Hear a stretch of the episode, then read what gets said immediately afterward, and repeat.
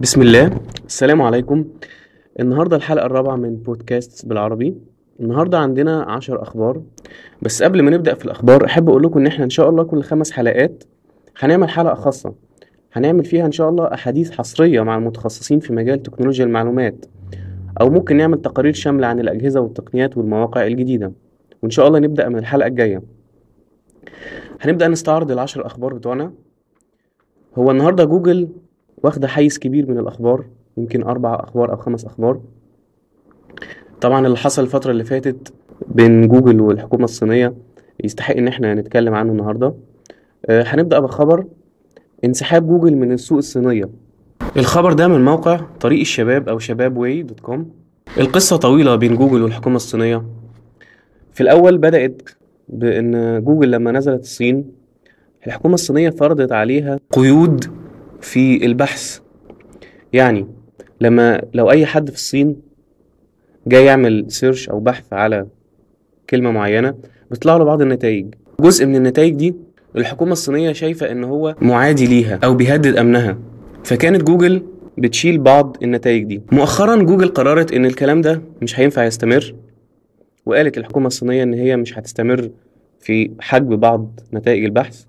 الحكومة الصينية رفضت الكلام ده وقالت إن ده مخالف للعقد اللي بينهم. قامت جوجل وجهت المستخدمين من الموقع بتاع الصين اللي هو Google dot com dot CN وجهتهم لموقع هونج كونج Google dot com dot HK. وبكده نتائج البحث ما كانتش بيتشال منها أي حاجة.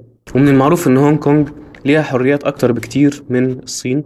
والموضوع كبر لدرجة إن الحكومة الأمريكية صرحت بإن الموضوع ده ملوش علاقة بين العلاقة بين البلدين.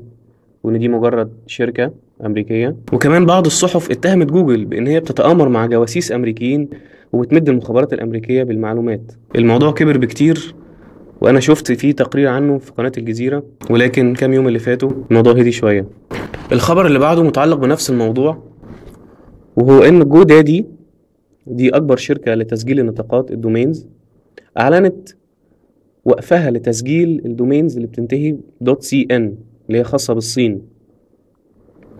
دي بناء على التصعيدات بين الحكومة الصينية وشركة جوجل. GoDaddy بتعتبر من أكبر شركات تسجيل النطاقات في العالم وسجلت من عام 2000 أكتر من 40 مليون اسم نطاق. السبب من إن GoDaddy وقفت تسجيل نطاقات CN والكلام ده حسب صحيفة الواشنطن بوست إن الحكومة الصينية فرضت قوانين جديدة بتجبر العملاء اللي هم بيسجلوا domains على GoDaddy بتنتهي ب CN تقديم بيانات مفصلة عنهم بما في ذلك صور فوتوغرافية ووثائق موقعة يدويا بالإضافة إلى سجل تجاري مرخص رسميا في الحكومة. وطبعا GoDaddy رفضت الكلام ده واعتبرته تعدي على الخصوصية الشخصية لعملائها وبرضه تقييد لحريتهم في استخدام الإنترنت. وهي فضلت إيقاف خدمة حجز النطاقات الصينية عن فرض هذه القيود. للي عايز يعرف معلومات أكتر عن الصراع بين جوجل والحكومة الصينية أنا حطيت رابط ل Google China من موقع ويكيبيديا في كل المعلومات والتاريخ بين المشاكل بين جوجل والحكومة الصينية. الخبر اللي بعده جوجل بتخطط في نهاية هذا العام إن هي تقدم شبكة تجريبية خاصة في أمريكا علشان تقدم خدمة الإنترنت ذات سرعات عالية جدا بتعتمد على كابلات ال fiber أو ال fiber optics. وصل عدد المتقدمين للاشتراك حوالي 194 ألف فرد.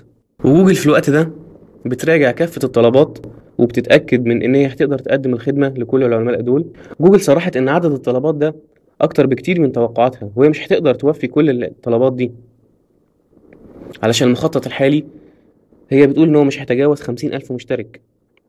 ولكن هي بتطمح إن الرقم ده يزيد لنص مليون في المستقبل.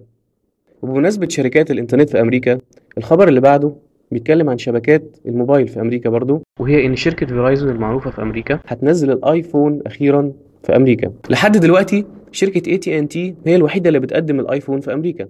وشبكة اي تي ان تي هي شبكة GSM زي الشبكات اللي إحنا بنستخدمها هنا في الوطن العربي. ولكن شركة فيرايزون بتشتغل بنظام CDMA يعني الموبايل العادي اللي إحنا بنستخدمه هنا ما ينفعش يشتغل هناك. معنى كده إن ابل هتصنع أجهزة جديدة من الآيفون تشتغل على شبكات ال CDMA برضه بمناسبة شبكات المحمول هنتكلم النهاردة عن شبكات المحمول الجيل الرابع. وده الخبر اللي بعده. بيقول إن شبكات المحمول الجيل الرابع مش بس معمولة علشان السرعة ولكن علشان الاختناق. شبكات المحمول دلوقتي في العالم بتطور الأجهزة بتاعتها علشان تشتغل مع الجيل الثالث والكلام ده بقاله والكلام ده بقاله كام سنة. والسبب في تطوير شبكة الجيل الثاني للجيل الثالث هي السرعة. ولكن المرة دي مش هتكون بس السرعة هي السبب في التجديد. علشان تجديد الشبكة مكلف جدا بيكلف يمكن ملايين أو أكتر من كده بكتير. فهيكون السبب إن الشبكات هتطور للجيل الرابع هو إن هي تساع عدد أكبر من المستخدمين في نفس الوقت. نحب ننوه إن ال four G أو الجيل الرابع في نوعين. نوع اسمه ال LTE ونوع اسمه ال WiMAX بدون الخوض في تفاصيل كتير في الموضوع ده تقدروا تشوفوا الخبر علشان تعرفوا تفاصيل أكتر عن الجيل التاني والتالت والرابع والسرعات بتاعتهم. لسه بنتكلم عن شبكات المحمول وشبكات الاتصالات بشكل عام. عندنا الخبر اللي بعده بيقول الحكومة المصرية بتساعد المصرية للاتصالات بمنع الاتصال الدولي عن طريق الإنترنت. اتكلمنا في الحلقة اللي فاتت عن منع سكايب إنه يشتغل على شبكات الجيل الثالث للاتصال بالإنترنت لإجراء المكالمات الدولية. النهاردة الخبر ده فيه بعض التفاصيل الزيادة عن المرة اللي فاتت. وهو بيقول إن المصرية للاتصالات خسرت السنة دي عن السنة اللي فاتت حوالي 13% من أرباحها. والسبب أكيد هو الاتصالات الدولية اللي بتتم عن طريق الإنترنت. وبصراحة أنا قريت جملة في الخبر ده استغربت منها جدا. هو بيقول إن القوانين في مصر بتنص على إن كل المكالمات الدولية لازم تعبر خلال المصرية للاتصالات. بس الكلام ده لو صحيح يبقى سكايب هيتمنع تماما إنه يجري اتصالات دولية سواء عن طريق شبكة المحمول أو الواي فاي. هنشوف إيه اللي هيحصل. نرجع تاني لجوجل. والخبر اللي بعده بيقول الخبر ده من موقع عرب كرانش. وأنا بصراحة عجبتني المقدمة بتاعت الخبر فأحب أقولها لكم زي ما هي. يقول الله عز وجل إنما يخشى الله من عباده العلماء. من خلال هذه الآية يتبين لدينا مدى أهمية التشكيل في اللغة العربية. فتغيير الفتحة من لفظ الجلالة الله إلى ضمة وتغيير الضمة من كلمة العلماء إلى فتحة ستقلب معنى الآية تماما. ويصبح الذي يخشى العلماء هو الله حاشاه بدلا من أن يكون من يخشى الله هم العلماء.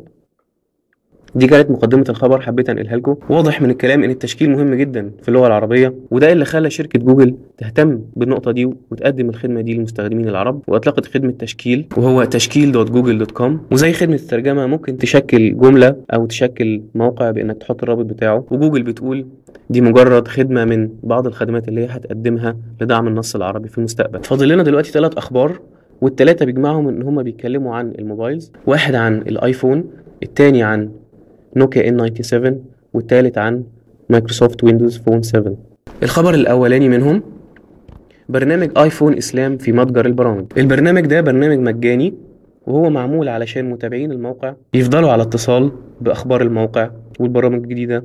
والمقالات وكمان يقدروا يتابعوا آيفون إسلام من على تويتر في نفس البرنامج. ولو في رابط جوه المقال بمجرد الضغط على الرابط ده بدون ما البرنامج يقفل ويفتح متصفح ل Mobile Safari هيفتح داخل البرنامج. وبرضه لو واحد يحب يبعت المقال لأي حد بمجرد برضه الضغط على رابط جوه البرنامج يقدر يبعت المقال بدون الخروج من البرنامج. وحاجة تانية مهمة إن البرنامج بيدعم خاصية ال push notification وهي إن البرنامج حتى لو مقفول هيجيله تحديثات.